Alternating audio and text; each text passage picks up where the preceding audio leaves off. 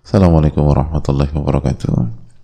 Bismillahirrahmanirrahim. Alhamdulillahirabbil alamin wa bihi nasta'in ala umuri dunya wa din wassalatu wassalamu ala asyrafil anbiya wal mursalin wa ala alihi wa sahbihi wa man sara ala nahjihi bi ihsanin ila yaumil wa ba'd. Allahumma salli wa sallim wa barik wa an'im ala nabiyyina Muhammadin wa ala alihi wa sahbihi ajma'in. Hadirin Allah muliakan Alhamdulillah kita panjatkan puji dan syukur kita kepada Allah Tabaraka wa Ta'ala atas segala nikmat dan karunia Allah berikan kepada kita sebagaimana salawat dan salam semoga senantiasa tercurahkan kepada Rasulullah alaihi salatu wassalam beserta para keluarga, para sahabat dan orang-orang yang istiqomah berjalan di bawah naungan sunnah beliau sampai hari kiamat kelak. Hadirin Allah muliakan khususnya ibu-ibu sekalian, alhamdulillah kita bersyukur kepada Allah Jalla wa ala atas nikmat yang Allah berikan kepada kita sehingga kita bisa bersua, bisa bersama pada kesempatan kali ini untuk menambah ilmu kita, menambah iman kita, menambah kedekatan kita kepada Allah Subhanahu wa taala. Karena ilmu bukan hanya tentang wawasan, bukan hanya tentang pengetahuan, bukan tentang bukan hanya tentang pemahaman, walaupun hal-hal di atas adalah hal yang sangat penting dan fundamental. Namun inti dari ini semua adalah bagaimana seseorang hamba bertakwa kepada Allah Subhanahu wa taala. Ibu-ibu menjadi lebih beriman kepada Allah ibu-ibu lebih dekat dengan Allah. Sebagaimana yang disampaikan Sufyan Ats-Tsauri rahimahullahu taala tentang ilmu innama yutlabul ilmu liyuttaqallahu bihi. Ilmu itu dipelajari untuk untuk bertakwa kepada Allah.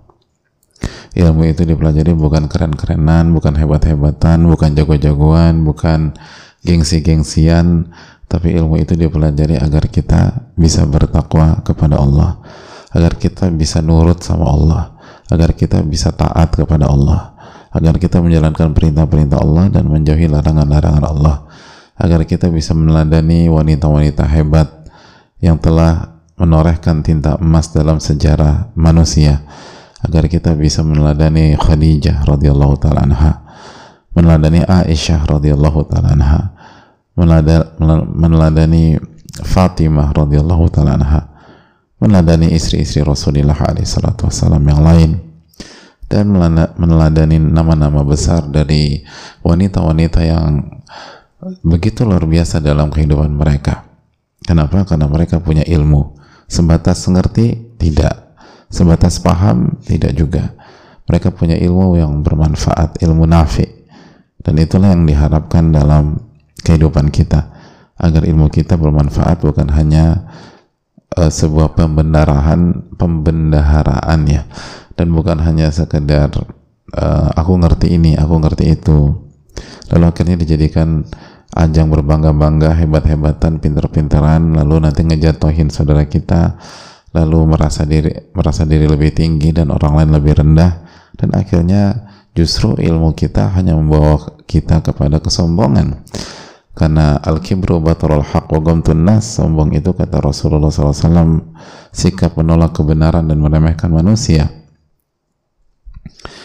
Dan sebaliknya ilmu yang bermanfaat justru akan membuat kita semakin merasa rendah semakin merasa kerdil semakin merasa kecil di hadapan Allah Subhanahu wa taala dan semakin rendah hati di hadapan manusia. Dan ini yang kita inginkan ini yang kita cita-citakan karena ketika kita bisa mencapai titik merasa rendah di hadapan Allah tabaraka wa taala dan rendah hati di hadapan manusia maka kita mendapatkan janji Nabi kita sallallahu alaihi wasallam ibu-ibu. Kata Nabi kita sallallahu alaihi wasallam man tawaddu'a wa ma tawaddu'a ahadun lillah illa rafa'ahu Allah. Dan tidaklah seseorang hamba bertawadu karena Allah kecuali kecuali Allah akan angkat derajat dia. Jadi tidaklah seorang hamba bertawadu karena Allah. Harus karena Allah nih ibu-ibu. Bukan karena tawadu karena meningkatkan mutu gitu loh. Bukan tawadu karena membangun brand image duniawi. Tapi benar-benar nggak nggak tertarik dengan kepentingan pun itu. Pokoknya ingin aja membuat Allah ridho sama kita. Ingin aja membuat Allah tuh sayang sama kita.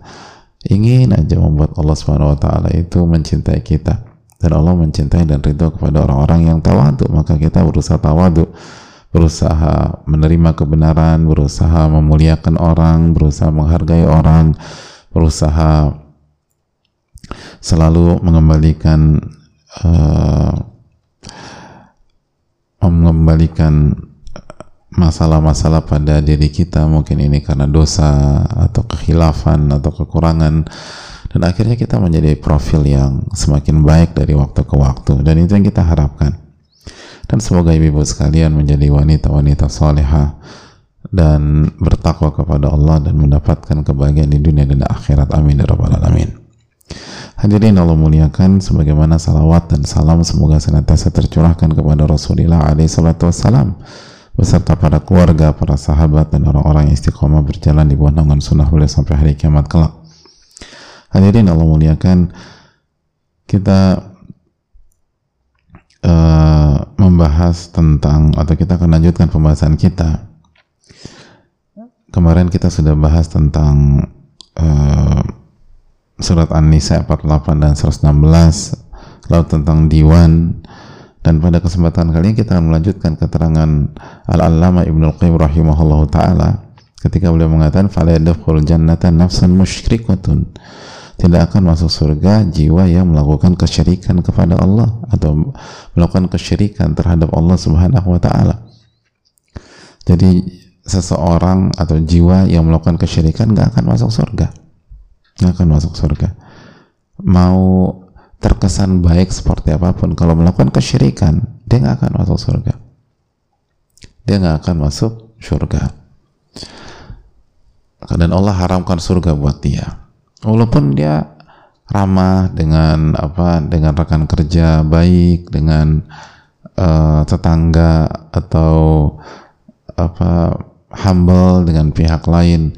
Tapi kalau dia melakukan kesyirikan maka Allah berfirman dalam surat Al-Maidah 72 innahu man yushrik billahi faqad harramallahu alaihi jannah wa ma'wahu an-nar wa ma lidh-dhalimina min ansar innahu man yushrik billah faqad harramallahu alaihi jannah sesungguhnya barang siapa yang melakukan kesyirikan mensekutukan Allah tabaraka wa taala mensekutukan Allah menyekutukan Allah subhanahu wa taala maka apa yang terjadi? Maka Allah telah haramkan surga untuk dia. Allah haramkan surga untuk dia. Nggak boleh masuk surga. Haram masuk surga itu maksudnya. Terus di mana dong tempatnya? Ibu-ibu. Wa ma'wahun nar. Tempatnya di api neraka. Na'udzubillah. Tuma na'udzubillah. Wa ma'lad zalimina min ansar. Dan tidak ada penolong bagi orang-orang yang zalim.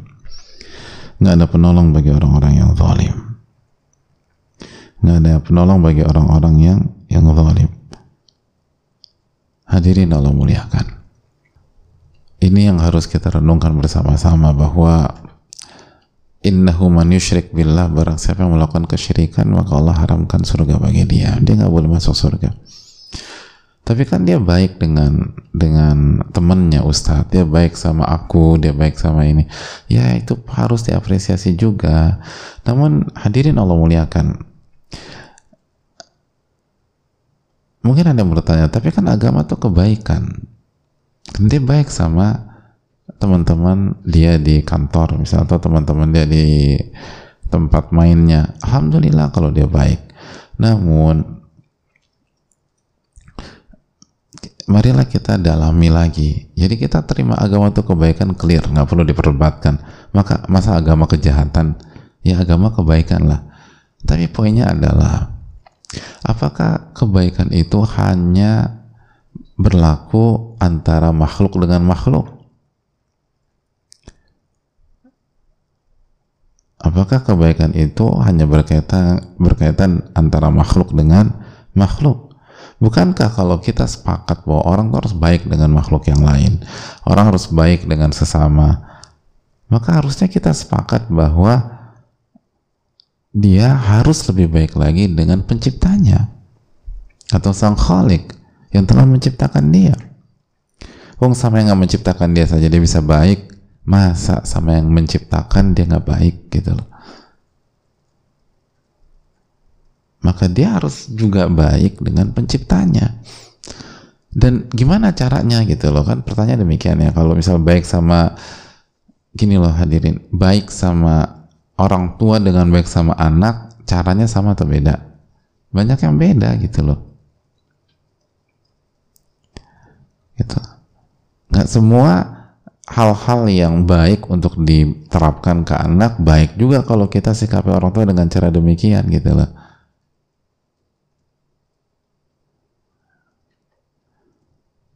Kan demikian hadirin sekalian.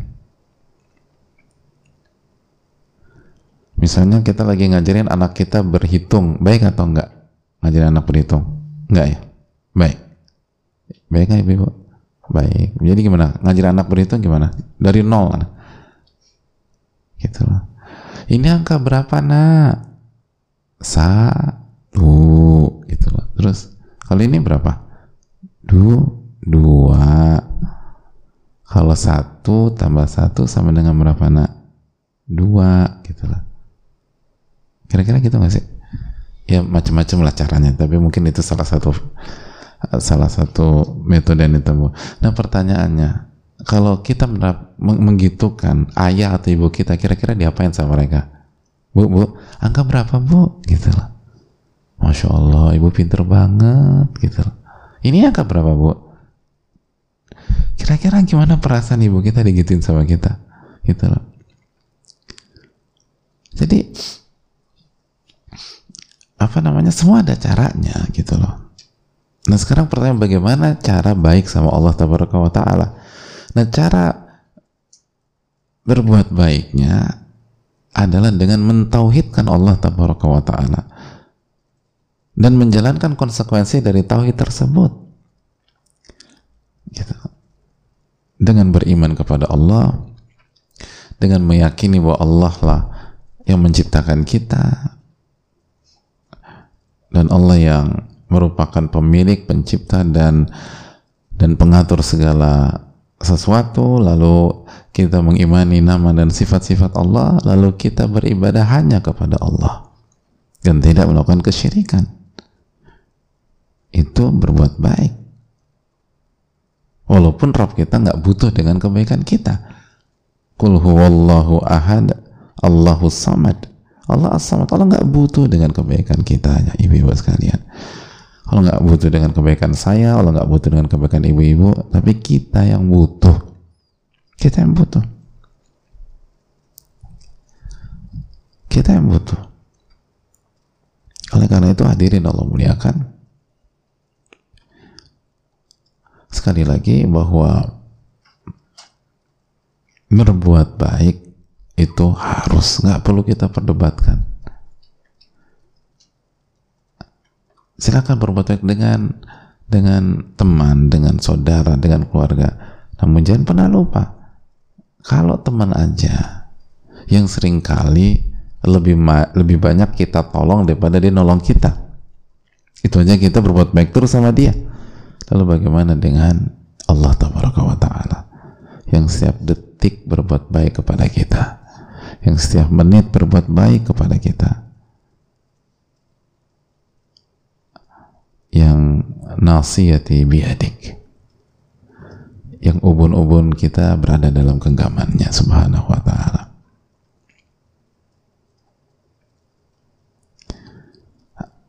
Masa kita nggak sikapi dengan baik hadirin? Masa kita lupakan pada saat kita bicara tentang kebaikan kira-kira pantas apa enggak? Maka Ketika seseorang melakukan kesyirikan, berarti ada kedurhakaan di sana. Walaupun sama teman-temannya dia baik-baik aja, sama. Bisa jadi analogi simpel ya. Bisa jadi orang yang durhaka sama ayah atau ibunya itu baik sama teman-teman mainnya. Dan teman-teman mainnya nggak merasakan apa pun. Bahkan ketika disampaikan, lo tau gak sih selama ini dia giniin ibunya atau dia perlakukan ibunya seperti ini terus anak apa temennya kalau yang bener loh gitu. masa nggak mungkin oh dia baik banget sama kita ini buktinya Innalillahi wa inna ilaihi rajiun. Masya Allah kok bisa begitu ya? Padahal dia baik banget sama kita ya. Itu mungkin terjadi nggak di lingkungan nih, ibu sekalian? Di masyarakat itu terjadi nggak terjadi. Dan setelah teman-temannya tahu fakta bagaimana dia rendahkan orang tuanya, dia dia hinakan orang tuanya, dia berlaku buruk kepada orang tuanya, kira-kira temannya masih menyematkan status orang baik apa tidak ke orang tersebut? Enggak. Walaupun mereka tahu sama ini dia baik sama mereka. Saya begitu mereka lihat, ya dia nggak hargain orang tuanya, dia kurang ajar sama orang tuanya, dia jahatin orang tuanya. Kayaknya kita harus mencabut titel orang baik pada diri dia. Walaupun dia baik sama kita tapi nggak bisa diterima. Ya nggak sih? Ibu-ibu sekalian kan begitu ya cara berpikirnya nah kalau itu aja kita terima lalu bagaimana dengan hamba yang baik sama apa banyak pihak tapi nggak baik sama pencipta ini bukan orang tua ini pencipta ini pencipta makanya kan Begitu seorang hamba melakukan kesyirikan, apa kata Allah dalam surat Luqman? Ayat berapa? 13. Inna syirka la zulmun azim. Ya bunaya la tusyrik billah. Nah, jangan sekali-kali engkau melakukan kesyirikan dan mensekutukan Allah. Kenapa? Inna syirka la zulmun azim. Karena sesungguhnya kesyirikan adalah kezaliman yang paling parah. Zolim itu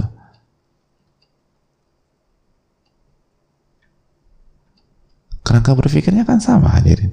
Sebagaimana seseorang akan dicap sebagai orang yang zolim walaupun dia baik sama teman-temannya ketika dia kurang ajar sama ibunya ketika dia melecehkan ibunya ketika dia menghinakan ibunya. Sekali lagi saya tanya sama ibu-ibu sekarang pantas nggak orang kayak gini di di apa disematkan sebagai orang yang zalim walaupun dia baik sama teman-temannya. Nah, ibu-ibu?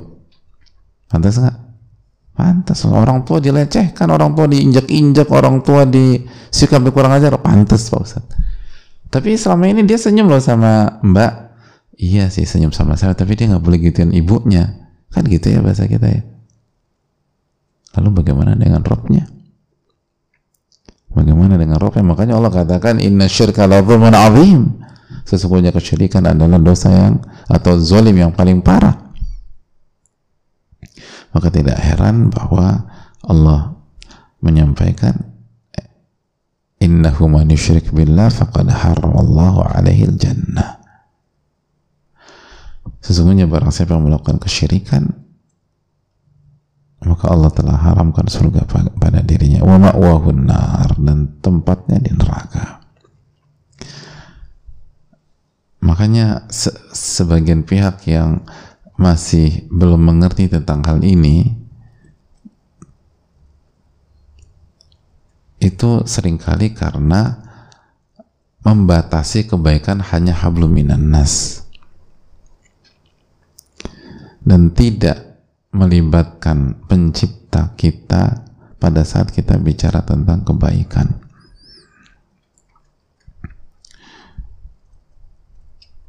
Itu hal yang perlu kita camkan. Kita lanjutkan wa inna ma yadkhuluha ahlu tauhid karena yang masuk ke dalam surga hanyalah ahli tauhid. Nah itu hadirin. Yang masuk ke dalam surga itu adalah orang-orang yang mengesahkan Allah mengesahkan Allah dalam hal-hal yang hanya dilakukan oleh Allah menciptakan, memberikan rizki memberikan kehidupan dan mematikan dia meyakini hanya Allah yang bisa lakukan itu. Mengetahui hal-hal yang gaib itu hanya Allah yang mengetahui itu. Lalu dia meyakini dan mengesahkan Allah dengan nama-nama dan sifat-sifat Allah swt ketika Allah Ar-Razzaq yang maha memberikan rizki itu adalah keesaan keesaan Allah dalam memberikan rizki. Jadi kan dia esakan Allah dengan nama-nama dan sifatnya. Nggak ada yang semisal dengan Allah isa kamitslihi syai ada yang serupa dengan Allah. Lalu hadirin Allah muliakan. Jadi dia tetapkan nama-nama dan sifat-sifat tersebut.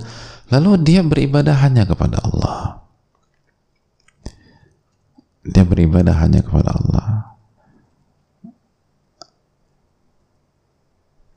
Dia mencintai dengan penuh kerendahan, kehinaan, dan ketaatan dan nurut itu hanya kepada Allah Subhanahu wa taala.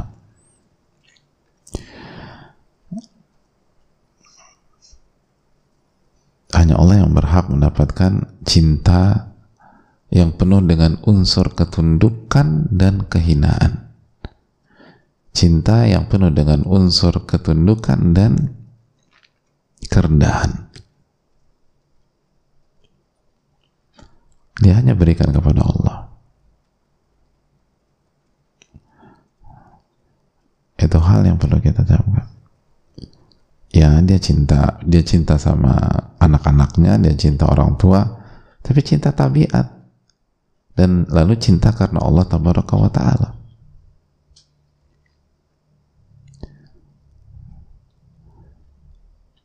Itu hal yang perlu kita camkan. Adapun cinta yang penuh dengan ketundukan, kehinaan, kerendahan, maka dia hanya berikan kepada Rabbul Alamin. Maka fa inna tauhid wa miftahu babiha.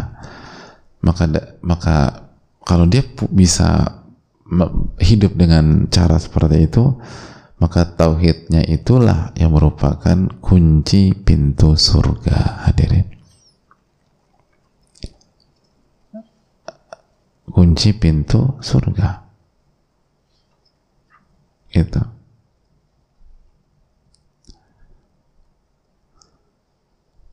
Jadi hadirin Allah muliakan itu kunci pintu surga itu itu وَمَنْ لَمْ يَكُنْ مَعْهُ مِفْتَحْ لَمْ يُفْتَحْ لَهُ بَابُهَا dan barang siapa yang nggak punya kunci ya maka pintunya nggak akan kebuka kata para ulama surga itu ada pintunya nah kuncinya adalah tauhid mengesahkan Allah subhanahu wa ta'ala sama kalau kita pergi ke rumah kita eh nggak bawa kunci rumah ya nggak bisa masuk ibu-ibu Nah, kita datang ke kantor, eh kuncinya ketinggalan nih ibu sekalian. Ya Allah, kuncinya ketinggalan. Aku taruh depan TV tadi marah sama bibi, lupa bawa kunci.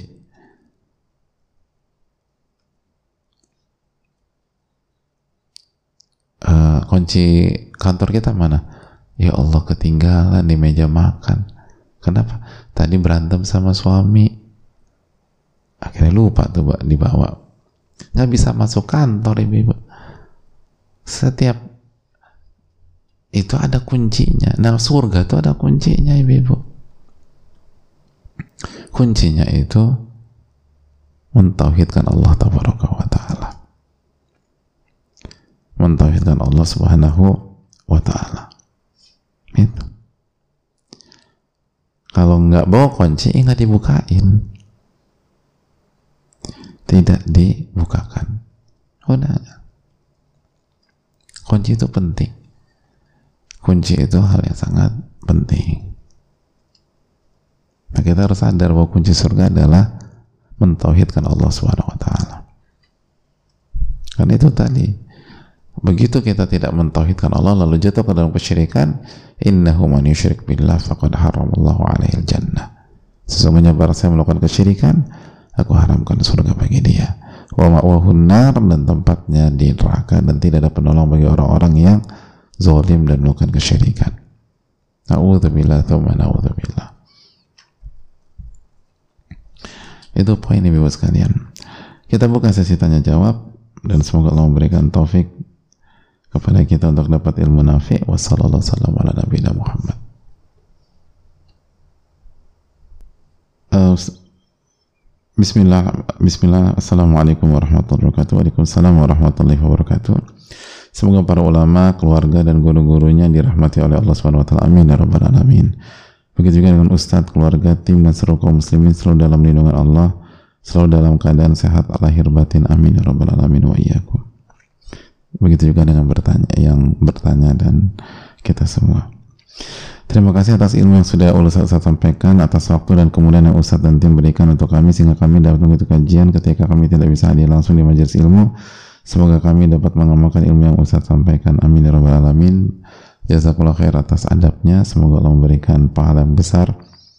Dan begitu juga dengan kita semua, apalagi yang berbicara, semoga kita bisa mengamalkan ilmu yang kita bahas. Amin ya rabbal alamin.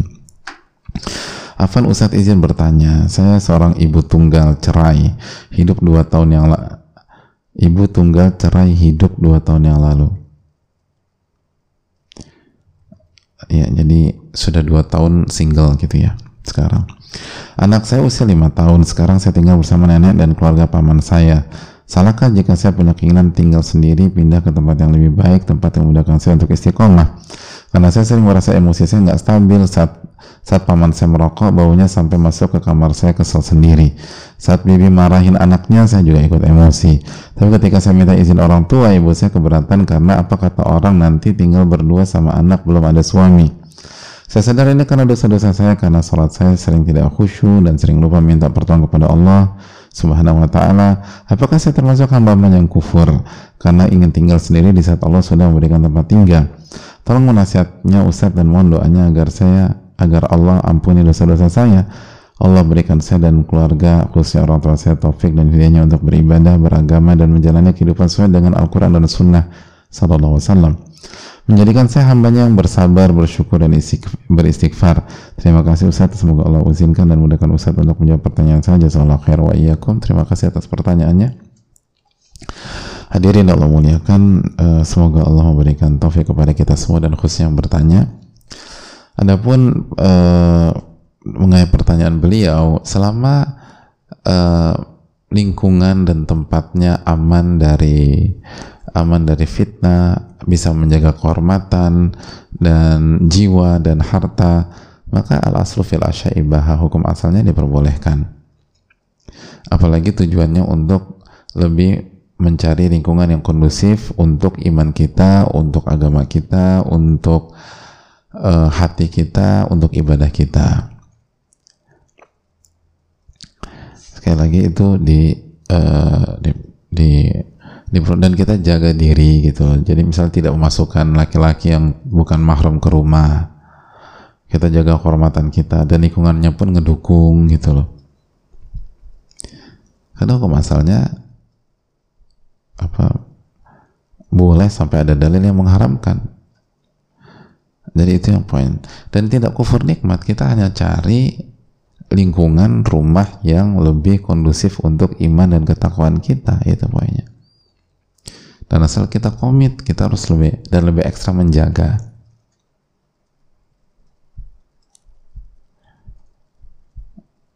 Dan Allah Ta'ala alam ya, uh, dengan segala uh, keterbatasan saya,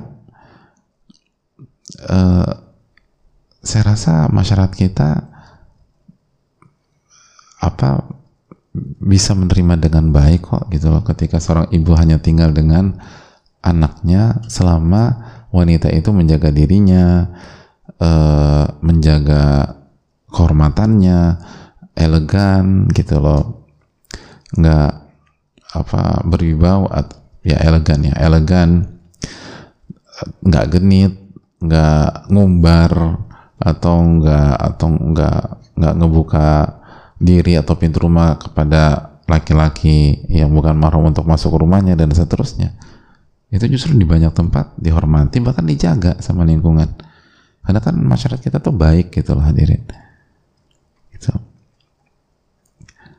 Dan seterusnya apalagi kalau kita baik sama tetangga khususnya uh, apa Eh, ibu-ibu uh, yang ada di lingkungan gitu loh. Terus kita sampai bu nitip-nitip ya gitu loh. Tolong saling jaga gitu. Dan nggak nggak nggak terima tamu laki-laki dan seterusnya kecuali yang mahram dan ini. Maka itu uh, secara umum diterima oleh masyarakat kita. Karena masyarakat kita memang secara umum baik hadirin dan senang kalau saling ngejaga dalam hal-hal seperti itu. Nah tinggal kita jujur aja kenapa kita mau pindah dan perjuangkan kejujuran uh, niat kita tersebut dengan dengan real gitu loh ibu-ibu. Dan niatkan untuk lebih bertakwa kepada Allah Subhanahu Wa Taala. Benar nggak sih hadirin? Apa saya salah ya? Bisa diterima nggak sama lingkungan kondisi kayak begini? Enggak bisa bisa diterima. Asal itu tadi apa sikap dari wanita itu jelas gitu nggak apa itu nggak genit nggak godain bapak-bapaknya atau para suami-suami si apa di lingkungan tersebut atau laki-laki lingkungan itu baik aja gitu. Terus juga bangun bangun hubungan baik dengan para ibu-ibu di situ gitu ramah tapi nggak nggak murahan gitu terus ramah tapi ada jaga jarak kepada laki-laki dan jaga kehormatan dan lain dan pilih lingkungan yang yang yang apa lingkungan yang uh, baik yang guyup yang kekeluargaan dan menjaga nilai-nilai agama. Itu poinnya. Allah taala bisa dan beri keterangan sama ibu kita insya Allah aman kok bu gitu loh. Allah taala bisa mungkin itu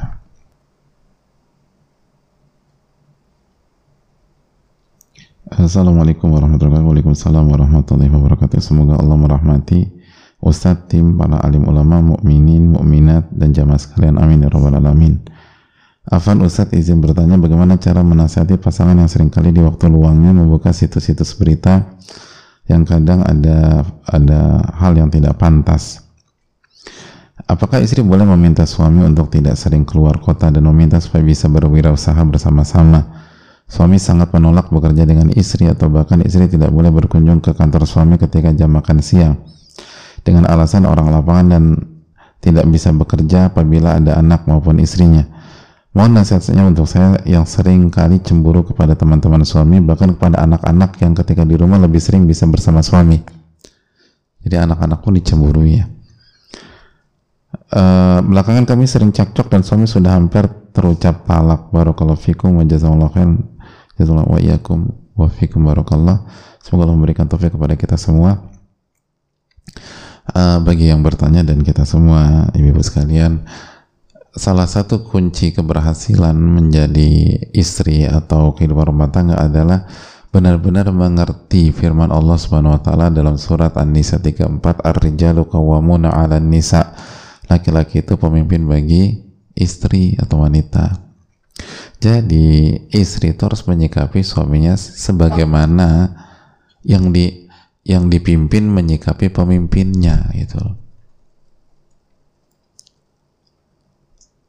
Nah ini kemungkinan besar yang menjadi PR serius dalam kasus ini.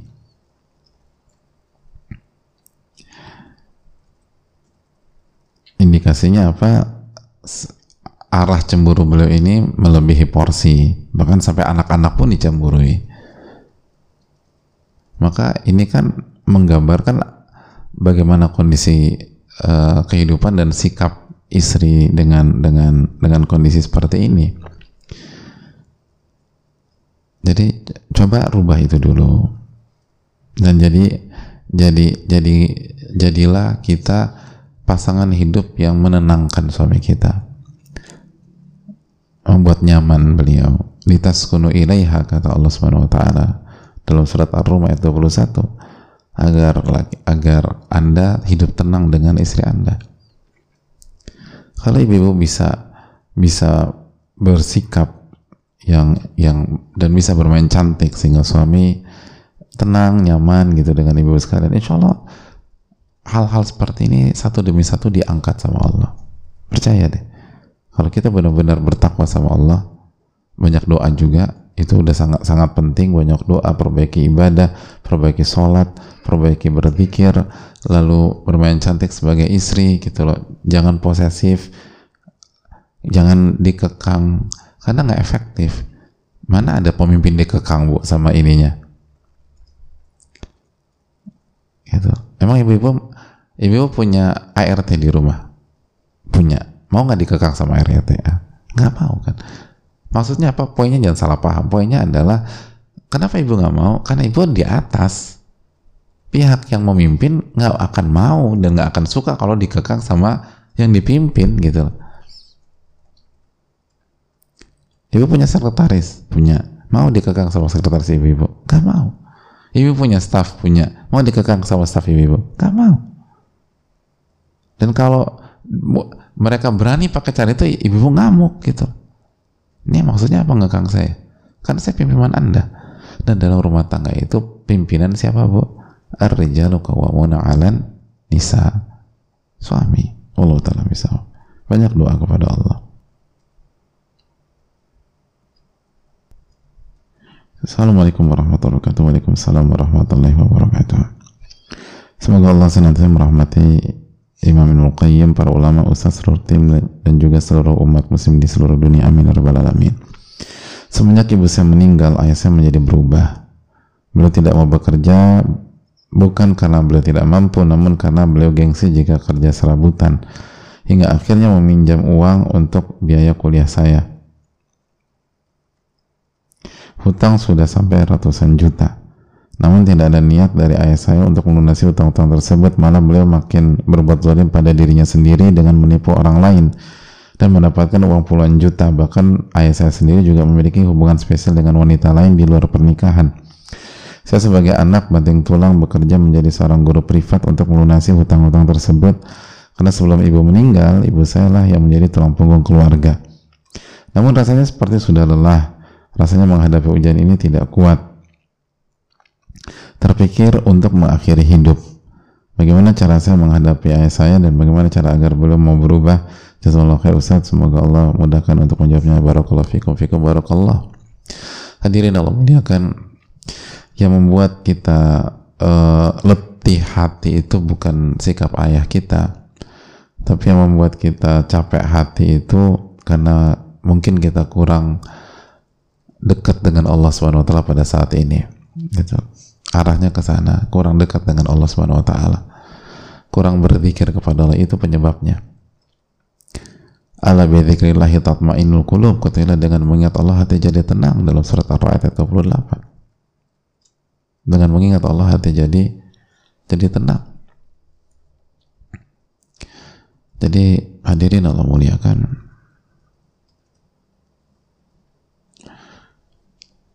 Uh,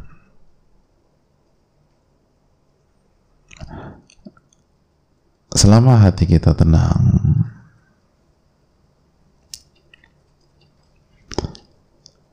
selama hati kita tenang karena kita berzikir kepada Allah Subhanahu wa taala insyaallah hal-hal tersebut tidak mempengaruhi kita dengan dengan dengan luar biasa. Apalagi sampai kita berpikir untuk mengakhiri hidup. Apalagi sampai kita berpikir untuk mengakhiri hidup maka yang harus kita lakukan adalah perbaiki zikir kita kepada Allah perbaiki doa-doa kita kepada Allah perbaiki ibadah kita. Wasta'inu bisabri wassalah minta pertolongan kepada Allah dengan sabar dan dengan dengan sholat sholat kita perbaikilah gitu. Lebih tepat waktu. Lalu kerjakan sholat sunnah dulu sebelum sholat wajib. Dan kalau ada dia kerjakan ba'diyahnya. Lalu jaga sholat duha lalu juga uh, Qiyamulail dijaga dan lain-lain lalu bergaul, bergaul dengan orang-orang yang baik wanita-wanita salehah dan minta pertolongan kepada Allah Subhanahu wa taala. Adapun untuk ayah kita kalau kita mau apa uh, adapun ayah kita bantulah semampu kita. Bantulah semampu kita. Bukan kita terbebani semuanya enggak. Makanya kan dalam ilmu dalam ilmu usul fikih kan taklif malayutak nggak nggak boleh ada beban di atas kemampuan seseorang. Semampunya aja. Bantu tetap baik tapi semampunya. La yukalifullahu nafsan ila usaha Allah tidak membebankan seorang kecuali sesuai dengan kemampuannya. La wajib ma'al ajiz. Tidak ada kewajiban kalau tidak mampu. Kalau nggak mampu nggak ada kewajiban. Jadi jangan sampai memaksakan diri dan akhirnya kepikiran, akhirnya semua berantakan. Dan doakan orang tua kita tetap baik sama beliau. Doakan orang tua kita. Lalu kalau bisa kasih masukan kasih masukan dengan cara yang baik dan lain-lain dan semoga Allah memberikan taufik kepada kita untuk bisa menghadapi masalah ini. Amin ya rabbal alamin. Assalamualaikum warahmatullahi wabarakatuh. Waalaikumsalam warahmatullahi wabarakatuh. Assalamualaikum Ustaz. Semoga Allah merahmati Ibnu Qayyim eh, Imam Ibnu Qayyim juga Ustaz, keluarga, beserta tim dan seluruh kaum muslimin. Amin ya rabbal alamin. Uh, di mana pun apa terima kasih jazakallah khair atas uh, doanya dan semoga begitu juga dengan yang bertanya. Amin. Uh, pertanyaannya uh, apakah bukti konkret penerapan tauhid seorang istri saat kesulitan ekonomi melanda? Mohon pencerahannya apakah ia wajib membantu suami dengan mencari nafkah juga? Ya terima kasih atas pertanyaannya. Uh, yang pertama adalah uh, kita beriman bahwa yang memberikan rezeki kita adalah Allah Tabaraka wa Ta'ala. Ar-Razak dan rezeki kita itu ada di atas langit. Wa fis sama iriskukum wa ma tu'adun. Dan di atas langitlah rezeki kalian. Dan apa yang dijanjikan kepada kalian.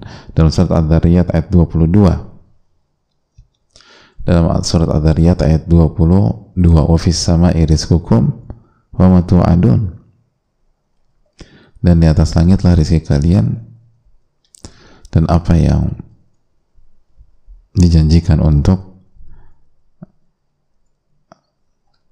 untuk kalian.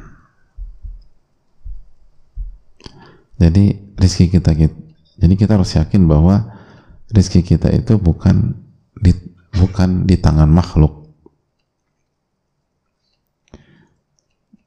bukan uh,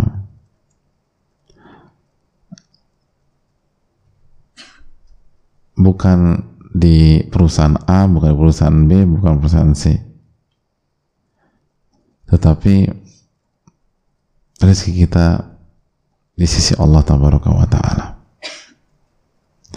Itu harus kita yakini. Maka dari sini kita nggak akan bergantung sama makhluk masalah rezeki.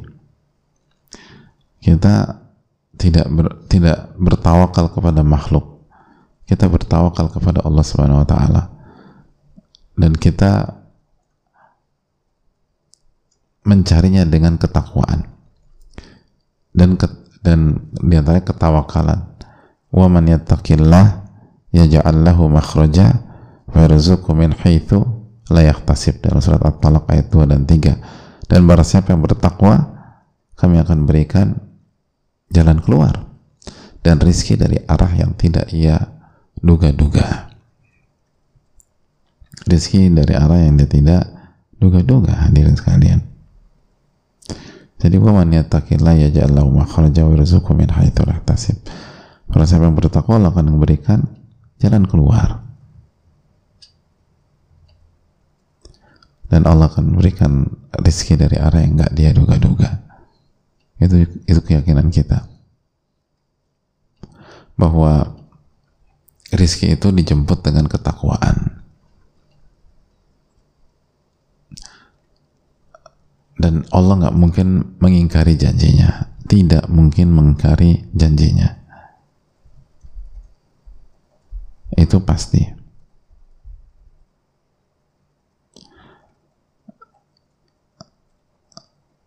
dan yang berikutnya raih dengan bergantung sama Allah dan itu tauhid Nabi SAW bersabda "Lau kuntum tawakkaluna 'ala Allah haqqa tawakkulih la razaqakum kama yarzuqu at-tayr taghdu khimasan wa taruhu bitana." Kalau kalian benar-benar bertawakal kepada Allah dengan sebenar-benarnya tawakal, maka Allah akan memberikan kalian rizki sebagaimana Allah berikan kepada seekor burung. Seekor burung yang berangkat atau terbang di pagi hari dalam kondisi lapar perut kosong dan pulang ke sarang di sore hari dalam kondisi perut kenyang. Masya Allah. Dan perhatikan yang jadi PR adalah kurangnya kita bergantung sama Allah sering kali. Karena itu udah janji Rasulullah SAW kecuali kalau kalau ada yang kalau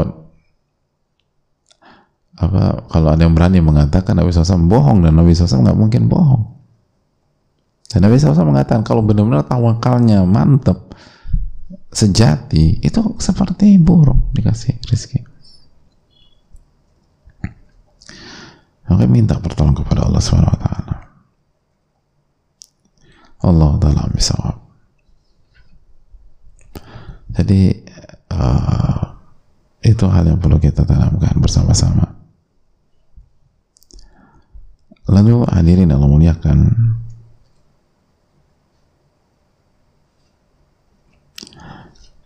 yang harus kita yakini juga Allah paling tahu apa yang terbaik buat kita.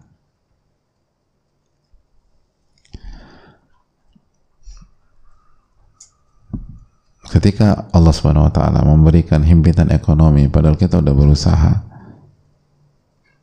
dan kita udah berusaha bertakwa maka yakinlah itu yang kondisi inilah yang terbaik buat kita untuk saat ini.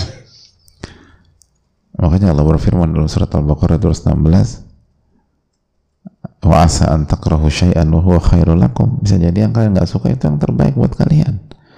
Wa asa an tuhibu syai'an wa huwa syarul lakum. Dan yang yang yang kalian anggap baik itu buruk buat kalian. Allahu ya'lamu antum la ta'lamun. Allah yang maha tahu dan kalian tidak tahu apa-apa. Allah yang tahu tentang yang terbaik buat kalian dan kalian nggak ngerti apa-apa. Kalian nggak ngerti apa pun yang tahu adalah Allah taala yang tahu adalah Allah tabaraka wa taala. Jadi itu hal yang perlu kita camkan. Makanya masih ingat nggak firman Allah subhanahu wa ta'ala dalam surat Ashura ayat 27 coba buka surat Ashura 27 apa kata Allah subhanahu wa ta'ala? Walau basatallahu ar-rizqa ibadihi kalau Allah lapangkan rizki kepada hamba-hambanya labagau fil ardi maka mereka akan hidup dengan melampaui batas. Walakin yunazziru biqadarin ma yasha. Namun Allah menurunkan rezeki sesuai dengan takdir yang Allah kendaki sesuai dengan kemahabijaksanaan Allah tabaraka wa ta'ala. Innahu biibadihi khabirun basir. Sesungguhnya Allah maha mengetahui dan maha melihat kondisi hamba-hambanya. Kondisi hamba-hambanya.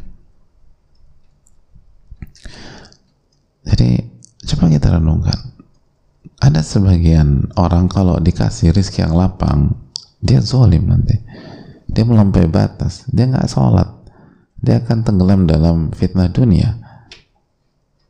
Maka Allah jaga orang itu agar bisa selamat sampai ke surga. Dengan cara apa? diseratkan. Makanya Al-Imam Sa'di ta'ala ketika menjelaskan ayat ini beliau membawakan sebuah athar. Apa bunyi athar tersebut? Inna min ibadi man la yaslu imanu illal gina ada di antara hamba-hambaku yang imannya tidak terjaga kecuali kalau dia kaya kalau dia cukup. Wala afqartuhu la afsad la ufsidu la afsadahu dhalik. Kalau aku buat dia miskin itu akan merusak dia. Wa inna min ibadi man la imanuhu illa al-faqr dan di antara hamba-hambaku ada yang imannya itu tidak akan baik dan bertahan kecuali kalau miskin Walau agnaituhu la afsadahu dhalik. Kalau aku buat dia kaya, justru berantakan. Justru berantakan. Jadi kalau dia dikayakan, lupa diri nanti dia. Orang tuh beda-beda. Makanya hal-hal ini yang membuat kita tuh hidup harus punya wisdom. Nggak bisa pukul rata. Orang tuh beda-beda hadirin. Orang tuh berbeda-beda. Semoga Allah memberikan taufik kepada kita. Saya rasa cukup sampai di sini. Semoga Allah memberikan ilmu nafi dan menjauhkan kita dari ilmu yang tidak bermanfaat. Anta. Astaghfiruka wa atubu ilaik. Assalamualaikum warahmatullahi wabarakatuh. Syukran. Karunia Allah bagi yang bersedekah siang dan malam. Ada karunia besar saat kita berusaha memaksimalkan sedekah baik di siang maupun malam hari demi meraih ridha Allah, yakni pahala sedekah tersebut tersimpan di sisi Allah Ta'ala dan akan kita terima kelak di akhirat. Sahabat, teruslah berjuang untuk bersedekah untuk kebahagiaan dan kebaikan diri di dunia dan akhirat. Sedekah kita insya Allah juga dapat menjadi sebab mendapatkan pertolongan, kemenangan, dan rezeki dari Allah Ta'ala. Mulailah bersedekah dari lingkungan terdekat hingga saudara yang jauh. Insya Allah, kita juga bisa bersedekah melalui program ragam aktivitas kebaikan Muhajir Project Peduli yang insya Allah bermanfaat. Semoga Allah memberkahi dan memberikan kebahagiaan di dunia dan akhirat. Amin. Raihlah kebaikan dan pahala bersedekah. Salurkan sedekah terbaik kita melalui CIMB Niaga Syariah 8600 1178 5800 atas nama Muhajir Peduli Indonesia.